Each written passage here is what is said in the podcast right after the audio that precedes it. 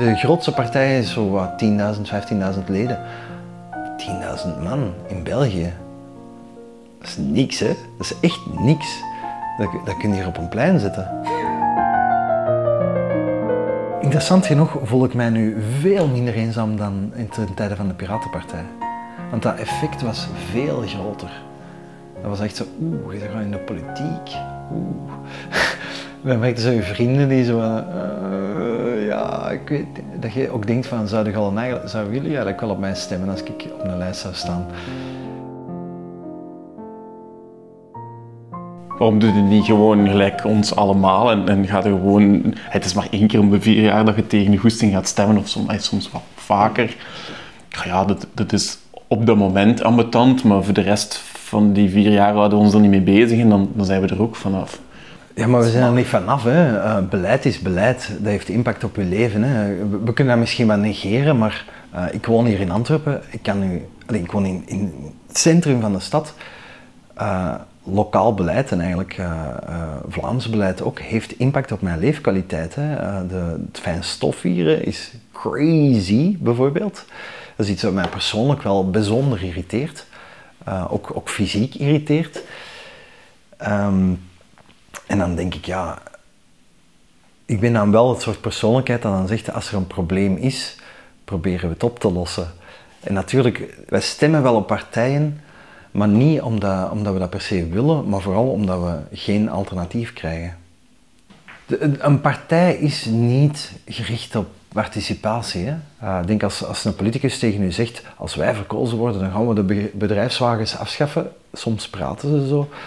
Ja, dat is een feitelijke leugen, want je kunt dat niet beloven. Maar, maar wij, we hebben wel gestemd op die partij.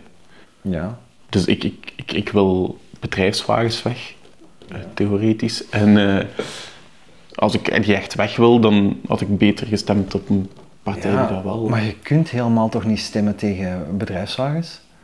In de praktijk, dat gaat dat niet. Hè? Want allee, de, de redenering die je dan moet volgen is Ehm, oké, ik ga opzoeken welke partijen dat het afschaffen van bedrijfswagens in hun programma hebben staan. Mhm. Eh, dan moet je een afweging maken, ja, welke van die partijen gaan over de kiesdrempel. Mhm. Dan moet je een afweging maken, welke van die partijen die dan nog overblijven, hebben een kans om in een meerderheid te komen. Ja? En is er dan een partij die dat belangrijk genoeg gaat vinden, zodanig dat dat bij de coalitievorming met eh, je weet niet welke andere partijen tijdens de coalitievervorming dat programmapunt dat het overleeft. En denk, zolang je eigenlijk niet de poort openzet op het moment dat het relevant is, op het moment dat beleid moet beslist worden, zolang je niet zegt, dan mag je mee komen praten, ja, dan, dan is het onzin dat je inhoudelijk aan het stemmen bent. Die, die cirkel van, van hoop naar ontgoocheling, van hoop naar ontgoocheling, zelf al veel meegemaakt, dat klinkt zo. Eerlijk gezegd, eh, ik denk, denk als je stemt in België, ken niemand die niet cynischer wordt met de jaren. Ik ken echt niemand. Ik, herinner mij nog wel uh, toen ik 18 was en je mocht dan stemmen, het feest van de democratie. En dan zitten er wel mee bezig, hè? zo de inhoudelijke overtuig mij en dit en dat. Maar dat overtuigt mij, dat is er ondertussen toch ook al wel uit bij veel. Eh, van, wij weten allemaal van, oh, valt mij niet lastig.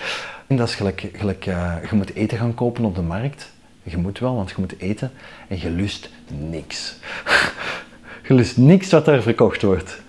Maar je moet er iets kopen om te eten. Ja, dan zul je iets kopen. Hè? Gaat jij goed gezien thuiskomen? Dat denk ik niet.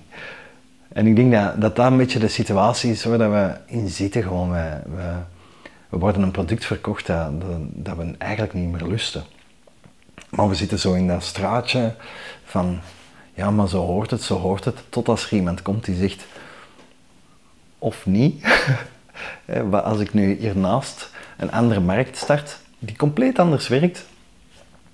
Lekker productjes. We shall see, hè? ja. Wat is dan alternatief? Is dat dan een constante referenda om items stuk voor stuk te beslissen? Ik vind, uh, ben persoonlijk niet zo'n fan van referenda, omdat... Uh, ja, dat is niet echt een gesprek. Hè.